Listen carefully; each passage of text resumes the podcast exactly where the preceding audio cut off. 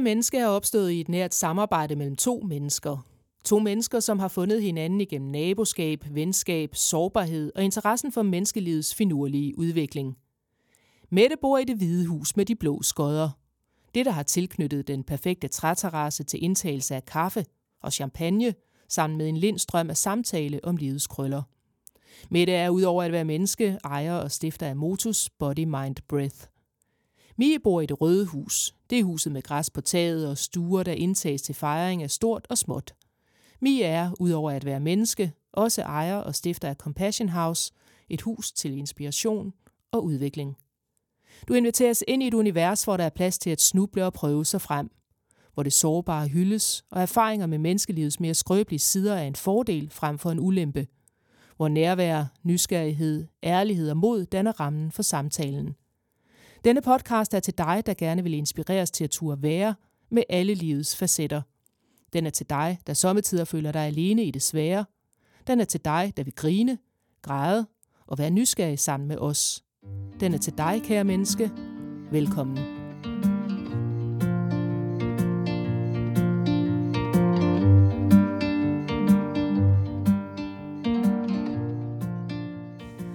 Kære menneske, velkommen til.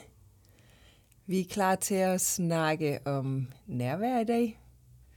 Mm, det bliver spændende. Og jeg sidder og nikker, det betyder bare, at jeg er helt klar. Ja, det var godt. ja, så nærvær. Hvad er det for dig, Mie? Og nærvær er jo i virkeligheden, kan man sige, noget, jeg har øvet mig på rigtig meget i en lang periode nu. Øhm, men også noget, der godt kan være en lidt svær størrelse. Øhm, og jeg får lyst til sådan at dele bare i morges, da jeg sad og lavede meditation. Der lagde jeg mærke til, hvor svært for mig det var at, at bevare nærværet med det, jeg var i gang med. Simpelthen fordi, at, at efter, som vi fortalte i sidste episode, har både Mette og jeg været syge med corona.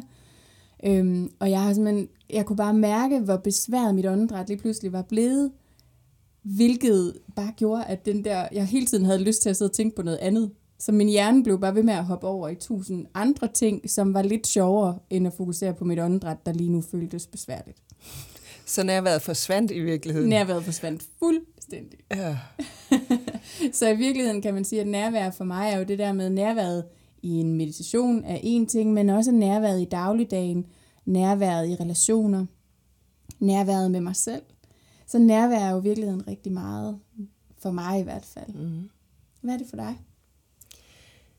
Jamen, jeg får et billede af mine børn og af blomster og en eng, når jeg tænker nærvær. Jeg tror, jeg er meget på duftesans blandt andet. Jeg mm. tror, jeg bruger, jeg bruger alle mine sanser, det gør vi alle sammen, når det handler om nærvær. Men der er et eller andet med dufte, der har det med at bringe nærværet meget tydeligt frem. Mm. Øhm, og det kan være ja, duften af et spædbarn, det kender alle. Åh, oh, man er helt salig. ja. ja. Og duften nu her udenfor, hvor vi har regnvejr, og vi har forår, og det hele det blander sig. Det, det er virkelig nærvær for mig. Så bliver man trukket ind i, i det, man nu engang er i. Så, øh, så for mig virker det rigtig meget at bruge dufte til nærvær. Øh, åndedrættet er enormt godt til at finde nærvær. Det, det, bruger, det ved det bruger vi begge to meget jo. Mm. Øh, og nærvær. Jeg kan næsten heller ikke sige nærvær uden at øh, tænke mobiltelefoner. Sjovt nok. Fordi det, det tager nærværet. Det tager nærværet. Det gør det virkelig. Og jeg tænker enormt meget på det i forhold til børnene. At øh, den sparsomme tid, vi trods alt har sammen, når alle er afsted i skole og på arbejde, og hvad man ellers går til i fritiden, så, så er det jo ikke vanvittigt meget tid, vi har sammen. Øh, og det nærvær, det kan godt forsvinde, hvis telefonerne er alt for præsente. Absolut, og man kan sige, at telefonerne er jo også, det er jo noget af det, vi efterhånden er blevet klogere på, ikke lavet til faktisk at skulle tage vores opmærksomhed. De er simpelthen designet til det. Ja. Det er helt frygteligt. Men belønningscentret, det står og blinker og bibler og bobler, når vi har fat i de telefoner. Ja, og vi har snak, faktisk snakket afhængighed hjemme ved os i, med de her telefoner, øhm, øh, og har, har simpelthen tidsbegrænsning på, hvor meget de kan bruge deres telefoner. Netop for, at vi ikke skal ende i en situation, hvor vi ikke får lavet noget som helst sammen.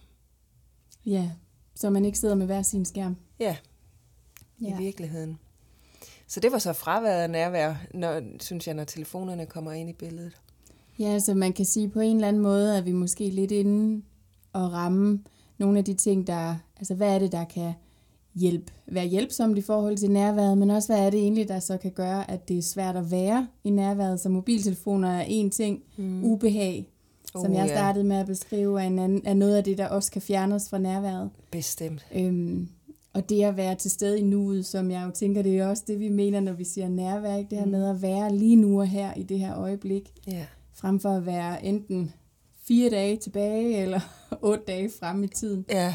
Og det er jo super svært også, fordi at vores hjerner virkelig er designet til at, at være rigtig meget fokuseret på alle mulige andre øh, steder. Vi er jo simpelthen lavet mm. til at kigge være forudseende på, hvad er det for nogle farer, vi kan støde ind i, hvad er det for nogle problematikker, der kan opstå, vi skal løse osv. Ikke? Mm. Så det er super, super svært for os faktisk, sådan helt naturligt, bare at være i nærværet. Det er meget, meget svært, og der er jo skrevet tykke, tykke bøger om mindfulness og meditation, som prøver på at lære os, hvordan vi kan være nærværende. Og det er virkelig en kunst, ja.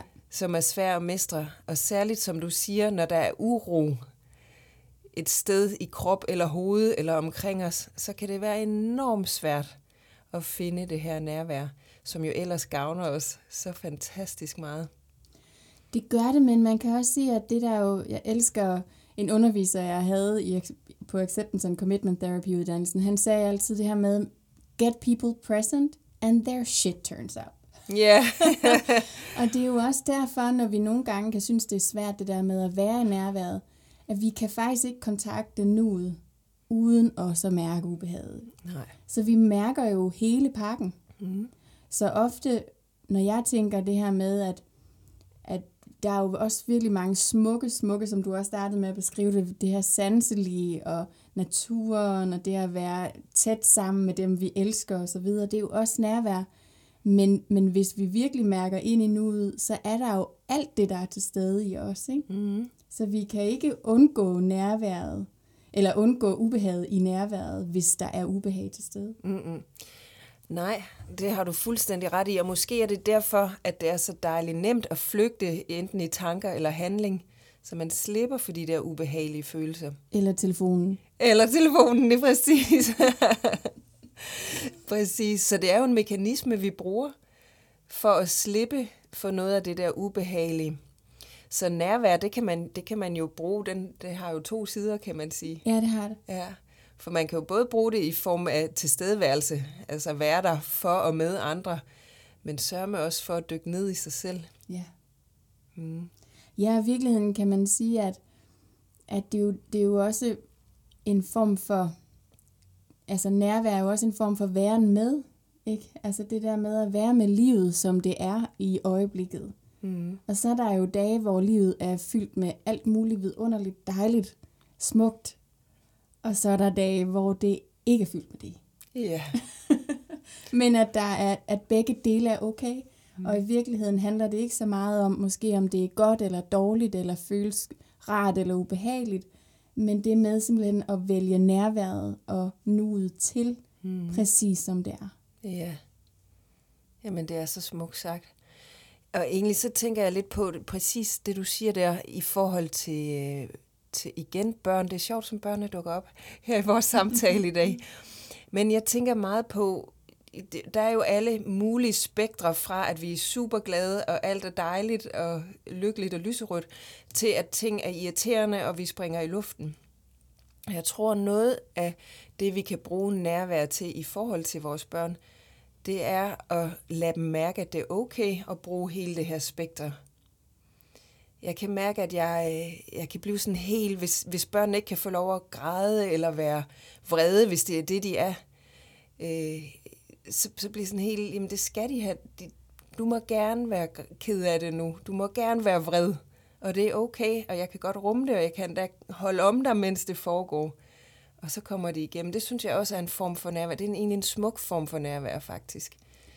Ja, lige præcis, og så, og så kommer jeg faktisk til at tænke på, når du siger det, at, at for mig er det også rigtig tit det, det handler om, når vi som voksne synes, at vi kæmper med noget, og, og at hvis man for eksempel bor i en bankkrop, som jeg gør, at jeg brugte jo mange år på at prøve at, hvad kan man sige, fikse mig ud af det, og fjerne mig fra det, og mm. nu skulle det også gå væk, og så prøvede jeg det ene og det andet og det tredje behandlingsmæssigt, for at få det over at komme af med den der bangekrop, ikke? Ja. Frem for egentlig at rumme, hov, jamen, men den er jo bange. Ja. Så, så det at sætte mig ned og faktisk omfavne det, og bare mærke det, og være med det, og give det plads, mm. frem for at forsøge at få det til at gå væk hele tiden. Fordi i virkeligheden kommer vi jo også til at afvise de der svære dele af os, mm. når, vi, når vi prøver at fikse det og fjerne os fra det, Mm-hmm. frem for at, at give det en krammer. Ja, ja, helt bogstaveligt næsten, ikke ja, også? præcis. Ja, vi krammer os selv for lidt. Det gør vi. Særligt i disse tider, der Særligt. skulle vi bare sidde og kramme os selv. Ja, det, det ville være en god nærværsøvelse. Sidde og af sig selv lidt. Åh. ja. Præcis, og, og i virkeligheden kan man sige, at, at det er jo også, for at vende lidt tilbage til det, du sagde med sanserne, ikke? den mm. der berøring, Mm. er jo også, det er jo i virkeligheden noget, vi godt kan bruge aktivt selv. Altså det der med at lægge en hånd på, hvis vi mærker, ligesom jeg mærker lige for tiden, at åndedrættet er mere besværet af en god grund, jamen så lige lægge hånden på brystet for eksempel, eller på maven, eller der, hvor jeg mærker, at det føles svært. Mm. Og så bare lige give det den der kærlige omsorg i virkeligheden. Ikke? Ja, ja, som jo nogle gange bare lige er en berøring. Ja. Fordi man behøver, det er jo ikke noget, man behøver at afsætte en time til, at nu skal jeg være nærværende med mig selv og mit åndedræt, Nej. eller hvad det nu er. Det kan, det kan jo bare være en tanke, eller en berøring, eller noget andet i en splitsekund. En duft, som gør noget. Det, jeg ved ikke, hvorfor jeg nævner dufte, men jeg tror, det er, fordi de simpelthen virker på mig. Men dufte er jo også noget af det, der ofte sætter rigtig meget gang i minderne. Mm. Så, så hvis, vi, hvis vi for eksempel har, øh, har fået meget jordbærgrød hos vores, hos vores bedstemor, Mm. så vil vi jo lige så snart vi dufter til jordbær, så vil, vi, så vil alle, hele vores sanseapparat gå i gang med at arbejde. Åh, oh, det er rart, det er trygt. Ja, Her er det virkelig sådan en følelse i kroppen. ikke? ja. Så dufte er jo virkelig noget, vi også kan bruge aktivt til for eksempel, hvis vi arbejder med ro og sanselighed i vores krop og mærke os selv, så kan vi bruge dufte til at stimulere mm. det arbejde rigtig meget, så vi nemmere får adgang til det. Mm. Og det er jo, så, så det, for mig giver det vildt god mening, at du nævner duft, når det er, vi taler nærvær, fordi Ja. det hjælper os faktisk. og Jamen, det kan gør det. være en Det gør smutvej. Ja, det kan det nemlig. Og det er selvfølgelig også derfor, jeg nævner det, fordi den er... Øh, altså, jeg, jeg tænker også på, at det er jo den sidste sans, vi mister, når vi dør. Det er duftesansen. Nej, det passer ikke, det er høresansen. Men de er begge to meget udpræget. Ja. Øhm, og de betyder bare noget, det er enormt brugt i demensbehandling også, at bruge dufte, at bruge ting, man kan læne sig tilbage i. Og jeg har faktisk lige hørt en historie om en, øh, en ung pige med corona-senfølger, Mm. Som simpelthen havde fået, øh, hun, hun var havnet i en bange krop på bagkanten af coronaen. Fordi hvad er det dog, der sker? Og lige pludselig mistede hun hukommelsen. Spling, så var den væk. Og var helt blank. Og der kan komme sådan noget, det kan være en af de mange senfølger, der kan være af corona, det er, at- hukommelsen simpelthen kan svigte sådan blopvis. Mm.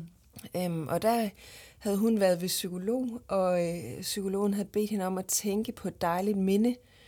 Og lige så snart hun, hun begyndte at føle det her ubehag eller uro i kroppen, så vendte hun tilbage til det her minde. Og det var sådan et smukt minde, hun havde om, hvor hun havde gået på stranden med sine bedste forældre.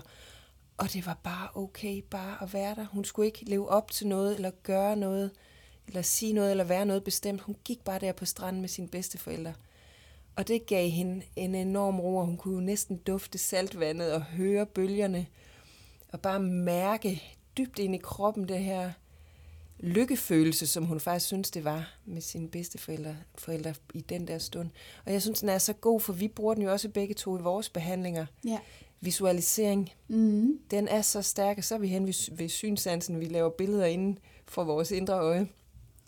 Ja, i virkeligheden kan man sige, at det er jo det er jo for mig at se også en, en vækken af sanser og, og af minder og af, hvordan var der egentlig i min krop sidste gang, jeg følte mig tryg, for eksempel. Ikke? Og det der med at få sat nogle billeder, og for nogle er det sådan meget tydelige billeder, der dukker op, og for andre er det egentlig mere sådan fornemmelser af, hvordan der var at være.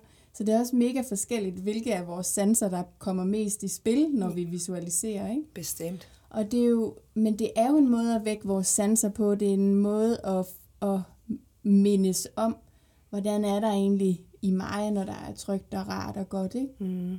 Og hvis vi ikke har oplevet det, hvilket jo nogle gange kan det jo godt opleves, hvis man for eksempel har været rigtig mange traumer igennem, kan det jo godt opleves som om, at det aldrig har været trygt at bo i, i den krop, man nu har. Ikke? Mm. Men, men der kan man faktisk også arbejde med sig at skabe nogle former for, men hvis jeg så skulle forestille mig, hvordan der var, Mm. hvordan ville der så være? Ikke? Ja.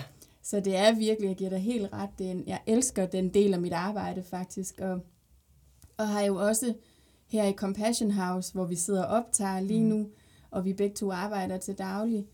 Øhm, det, er, det er jo sådan et hus, jeg også øh, i indretningen har tænkt, hvordan kan vi hjælpe og stimulere vores sanser, så vi faktisk får understøttet det nærvær, øh, der, der helst skulle være her, og det jeg gerne vil skabe, og vi gerne vil skabe her. Ikke? Mm. Så det der med hele tiden at tænke både det visuelle, sanselige, hvad er rart, hvad får dig til at komme ro i kroppen, men også duftene. Hvordan skal der dufte, når vi træder ind ad døren? Mm-hmm. Ikke? Så, vi, så vi hele tiden bruger den støtte og hjælp, der er, der er iboende i os alle sammen. ikke? Mm. Ja. Jeg sidder og tænker på, om vi har nogle øh, tips og tricks i, i ærmet, vi kan øh, smide ud til folk i forhold til nærvær. Men det er nok i virkeligheden, vi to vil jo ty til åndedrættet oftest Mm. i forhold til at hive sig selv tilbage i nuet. Ja, det er absolut. Og så vil jeg sige, at jeg tror, at det er det vil være lige så forskelligt, som alle vi mennesker er forskellige, hvad der er bedst at starte med. Ja, når det handler om nærværstræning, fordi i virkeligheden i, i compassion-fokuseret terapi, der arbejder vi meget med sådan en trappetilgang. Så i virkeligheden for nogle af os kan det være bare det at starte med at opdage, hov, jeg er i bad lige nu. mm. Så bare det lige at opdage, hvad er det egentlig, jeg er i gang med, og så bruge nærværet der. Jeg børster tænder. Mm. Jeg vasker op. ja. altså sådan, så det, fordi det faktisk kan være, det, det kræver faktisk ret meget at kunne vende sin opmærksomhed ind mod åndedrættet. Jamen, det gør det. Så det er allerede for nogen i hvert fald et godt stykke op ad trappen. Ja, det Så- kan det være. Er. Og det er sjovt, du nævner, nu, nu tænker jeg så på rosinnævnelsen, eller øvelsen i uh, mindfulness. Den, har, den kender de fleste, hvis man skal føre en rosin rundt i munden, og så virkelig mærke, hvordan den her rosin føles. Men det, det er faktisk sjovt, du nævner den der med at gå i bad. Jeg blev opmærksom på det på et tidspunkt. Det har formentlig været i forbindelse med min uh, mindfulness-uddannelse der i tidernes morgen, hvor vi netop fik den der med, prøv lige næste gang I i bad, og bare lige mærke strålerne, hvor jeg, jeg lige pludselig blev jeg enormt bevidst om, at når jeg er i bad, så er mine tanker allerede kørt afsted på, hvad jeg skal lave i løbet af dagen. Yes. Jeg var tusind andre steder end i det bad, i tankerne i hvert fald. Og det der med at prøve at slukke for dem, det var virkelig, virkelig svært. Lige præcis. Og, det var, og der var jo endda vand, der er jo vand, der rammer ned på skuldrene. Nu sidder jeg her og klapper mig på skuldrene, så det er jo enormt nemt i virkeligheden øh, at, at vække en sans her, fordi der er simpelthen vand, der pibler ned, og alligevel forsvinder, forsvinder man væk.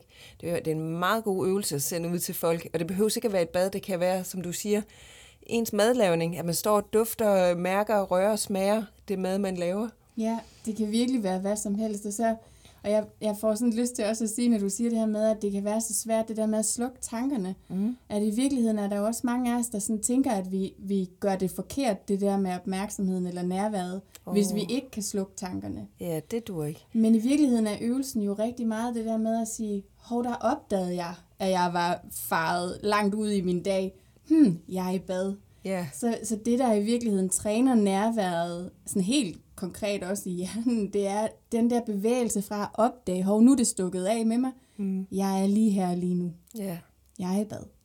Så det der med den der bevægelse og opdage, hov, jeg skal lige tilbage. Ja. Og det kan vi jo gøre i virkeligheden, når vi er på vej, når vi har parkeret vores biler og er på vej ind til der, hvor vi nu skal ind, eller parkeret cyklen, lige at opdage, hov, jeg er på vej, jeg Ja. går. Ja. Altså, så vi kan virkelig tage det helt, helt ned i små bitte handlinger, hvor vi kan træne vores nærvær dagligt. Ja. Det er sjovt, jeg lægger sådan mærke til, når man går tur rundt på stierne her. Efterhånden så øh, er det sjældent, at folk bare går en tur. De fleste har en, en telefon ved øret, eller høretelefoner om ørerne, eller er i gang med at tale i en telefon, eller med en, der går ved siden af. Altså, vi er enormt multitaskende. Og det kunne være sjovt. Bare sådan en simpel ting som at gå. Prøv at være nærværende i det. Det tror jeg vil være en udfordring for mange. Helt sikkert. Det er virkelig en... Altså, og som du siger, vi, er jo, vi lever jo virkelig også i en tid, hvor at, at multitasking er sådan en... Altså, nogle gange så kommer jeg da til at sidde og, og kigge på mig selv sådan udefra, når jeg sidder i sofaen. Det der med at sidde og se noget i fjernsynet, for eksempel, og så lige tjekke min telefon imens. Alene der er jeg jo gang i flere ting, ikke? Så Ja. det der med at blive opmærksom på, hvornår er det egentlig, jeg har gang i alt for meget? Ja. Og hvad er det så, jeg...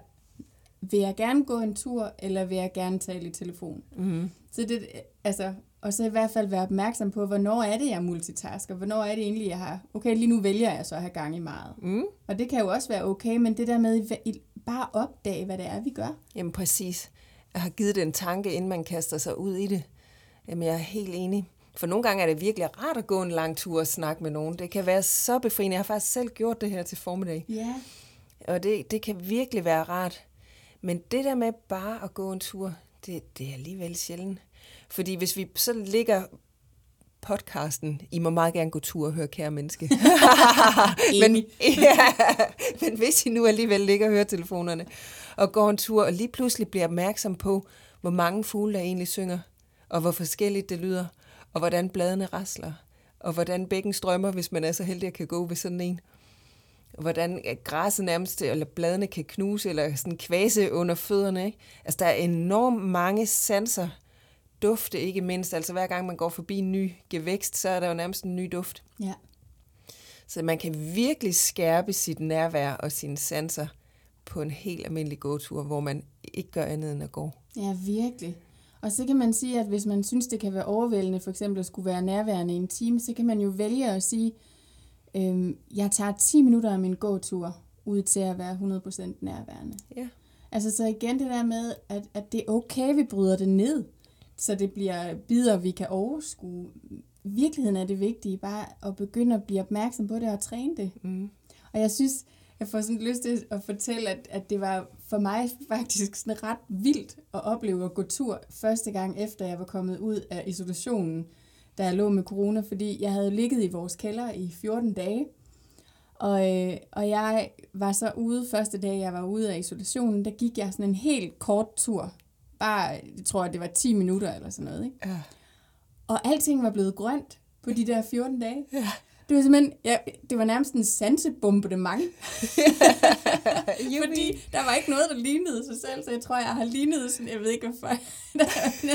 Men jeg må virkelig have set sjov ud, fordi ligesom et, et, et, den der, når man taler i mindfulness, taler man om a beginner's mind, Ja. altså det der med at se verden lidt som et, et lille barn, der ser verden for første gang, ikke? Ja.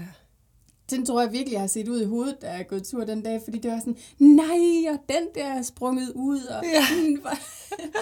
men, men det var bare sådan en dejlig følelse indeni, og, jeg, og så kom jeg til at tænke på, da jeg kom tilbage, at det havde jeg jo faktisk ikke opdaget, hvis ikke jeg havde trænet mit nærvær. Nej. Hvis ikke jeg i virkeligheden helt altså brugte det der på mine gåture, og det at være i naturen, mm. sanseligheden, og det at lægge mærke til, hvordan lyder der, hvordan ser der ud, Ja. hvordan føles det på min hud at gå her. Ikke? Ja. Så jeg var, jeg var helt overvældet af sådan lykke, bare Ja. noget så simpelt. Jamen er det ikke dejligt? Og jeg elsker, når man kan finde gaver i det helt små. Og det kan man, hvis man er opmærksom eller nærværende. Ja, lige præcis. Mm. Og det var ikke fordi, at det var alt sammen bare var rent behag ved at gå, fordi mine ben var jo samtidig fuldstændig som gelé. Og, men, men det er jo for mig også et godt eksempel på, hvordan at vi sagtens kan have flere ting til stede på samme tid. Mm. Så det med bare at registrere, nå, jeg går her på mine gelében, Og der er så virkelig smukt. Ja. Ikke? Jo. Altså, det der med, at det er okay, der både er noget, der er behageligt, og noget, der er ubehageligt til stede på samme tid. Mm. Faktisk er det jo det der, det er bare det, der er her lige nu. Ja. Og det er jo dejligt, synes jeg, kan rumme begge sider der. At det, det må godt gå hånd i hånd. Ja, Ja, præcis. det er dejligt. Apropos det at være menneske. Ja, lige præcis. Nyd at være menneske med alt, hvad det indebærer. Ja, virkelig. Ja. Hvornår, øh, hvis du sådan tænker tilbage på dit eget arbejde med det her med nærværet, Mm. har du så oplevet perioder, hvor du har følt, du virkelig var udfordret i forhold til det? Ja, det har jeg bestemt. Øhm,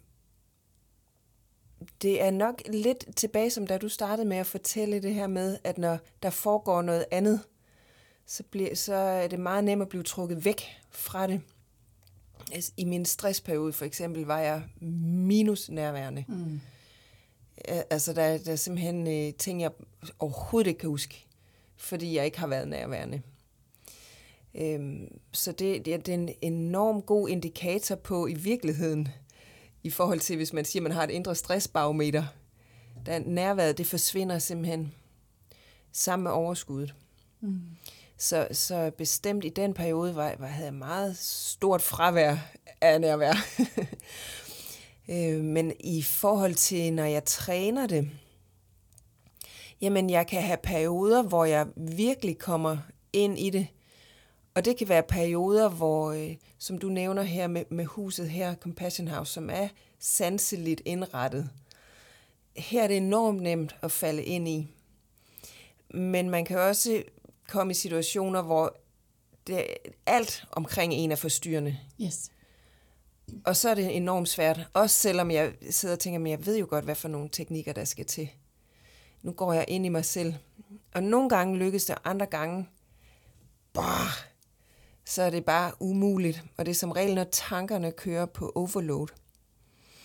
Øhm, og det, jeg har fundet ud af, der virker for mig i forhold til at, hive mig selv tilbage igen, det er faktisk at få ryddet nogle af de ting af vejen, der kører rundt i hovedet. Øhm, der kan være administrative ting, der skal laves. Der kan være samtaler, der skal tages. Et opkald til nogen. Det kan også bare være en helt almindelig indkøbsliste, men så få den skrevet ned, mm. så det ikke fylder i hovedet. Ja. Det er noget af det, jeg synes, der virker i forhold til at hive mig tilbage til nuet eller til nærværet. Ja. Ja. Og så, så kan jeg ligesom have ro til det på en eller anden led. Men, men jeg bliver nødt til at skabe det nogle gange, og andre gange er jeg der bare. Ja, ja, ja. Det, ja, nogle gange så kommer det mere naturligt. Ja, Mm. Men jeg tror, der er, noget, der er noget meget centralt i det, du siger også, ikke? At, at der er jo virkelig, og det er jo også en del af en, af et, en helt almindelig hverdag, at vi jo også kommer i situationer, hvor at vi virkelig bliver udfordret på nærværet, fordi vi på en eller anden måde bliver overloadet. Mm. Jeg, kan, jeg kan for eksempel have det rigtig meget med lyd. Altså jeg er sådan ret lydfølsom. Så hvis jeg for eksempel er et sted, hvor der er rigtig mange mennesker og dårlig akustik, så kan jeg lige pludselig få det sådan helt... Jeg kan næsten ikke høre, hvad nogen siger. Fordi at jeg faktisk får svært ved at... Altså, at det der overload af lyd næsten tager over for min opmærksomhed, ikke? Mm. Så, så noget af det, jeg øver mig i, i sådan nogle situationer, det er det der med, jamen, så kan det godt være, at jeg lige var fem minutter på toilettet. Men så lige at mærke mine fødder, og lige mærke, at jeg trækker vejret ude på toilettet, og så står jeg der lidt og lige mærker mig selv, fordi at der er det simpelthen ikke en mulighed for mig i det rum, i overloadet, mm. at finde nærværet. Mm. Men som du siger, så det der med at, at mærke efter, hvordan kan jeg så skabe det alligevel på bedst mulig måde, der hvor jeg nu engang er, i den situation, jeg befinder mig i. Ikke? Ja, Fordi det kan jo være super svært, og der er jo masser og masser af situationer i vores hverdag, hvor, hvor det er udfordrende for os. mm-hmm. helt bestemt. Der er en, jeg ved, jeg tror faktisk, jeg nævnte den før, der, der er nogen, der bruger den her med at have et elastikbånd om sin arm, Ja, som de hiver i, så det giver sådan en lille smæld. Nu lyder det så voldsomt, det er jo ikke fordi, det, det skal sige, af min arm, men bare lige den der lille berøring af den her elastik, der lige, lige strammes øh, kortvarigt henover, den, den sætter noget nærvær i gang, eller i hvert fald noget opmærksomhed. Den, øh, den ved jeg virker for mange. Ja, og det, og det er jo i virkeligheden, kan man sige, det der med at være, for at vende lidt tilbage til det med det, jeg tror, at det vigtige er at være opmærksom på, hvad er det, der kan være hjælpsomt for mig. Mm. Altså fordi det er så individuelt også, hvad det er, vi oplever som værende det, der virker. Mm-hmm. Så ja, at, at være nysgerrig på, hvad findes der af metoder derude til at træne det her nærvær, og hvad er så godt og hjælpsomt for mig, ikke? fordi vi er så forskellige, som vi også er. Ja. Bestemt sådan noget som at, at smide sig i græsset, det er virkelig godt til nærvær. Simpelthen lægge sig ned i det græs og lige mærke, at det prikker lidt op i huden. Og dufte de der, øh, ja, duften af græs, den kender vi alle sammen, ikke? Mm. Den, den synes jeg, den virker virkelig godt for mig. Om, øh, den er selvfølgelig nemmest at praktisere om sommeren. Men bare lige ligge et kort øjeblik fladt i græsset. Ja. Den er god. Ja, og det, og det er jo det, der er jo i virkeligheden rigtig mange måder, vi kan gøre det på, og rigtig mange måder, vi kan træne det på. Det er der. Men jeg kommer også til at tænke på, nu vi sidder og taler om det, sådan hvis vi skulle prøve at tage det, kigge på det sådan i et lidt bredt perspektiv også. Hvad er det så? Hvorfor er det egentlig, at det er vigtigt, at vi snakker om det?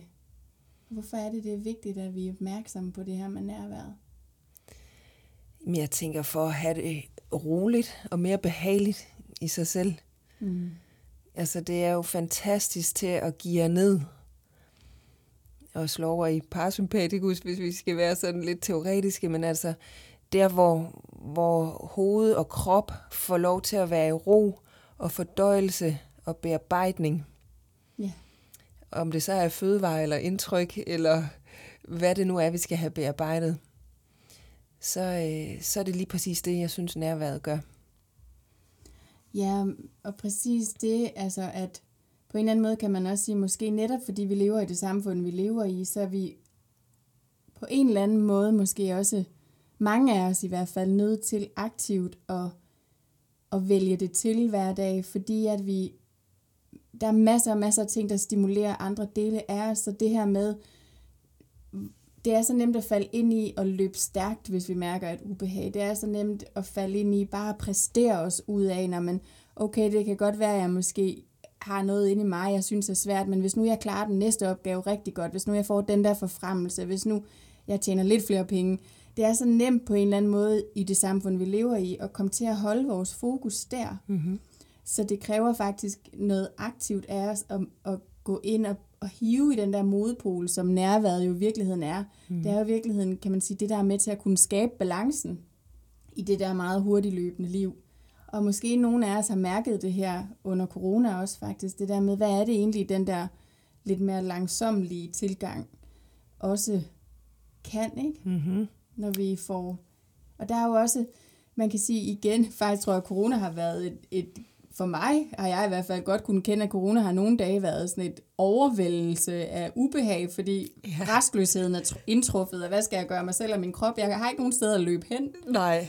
Så, så, og samtidig sådan en, bare lige læne sig tilbage et øjeblik. Ikke? Ja. Men det der med at hive ud af, okay, hvordan kan jeg egentlig hive noget af det her med videre? Ja. Og der er kunsten jo netop, som du siger, at opdage, hvor man befinder sig henne. Yes. Og så lige klappe sig selv på skulderen og sige, det okay, det var del med godt, du opdagede det. Ja. Fedt. Hvad vil du så nu? Lige præcis, og det er jo også i virkeligheden en måde, vi kan...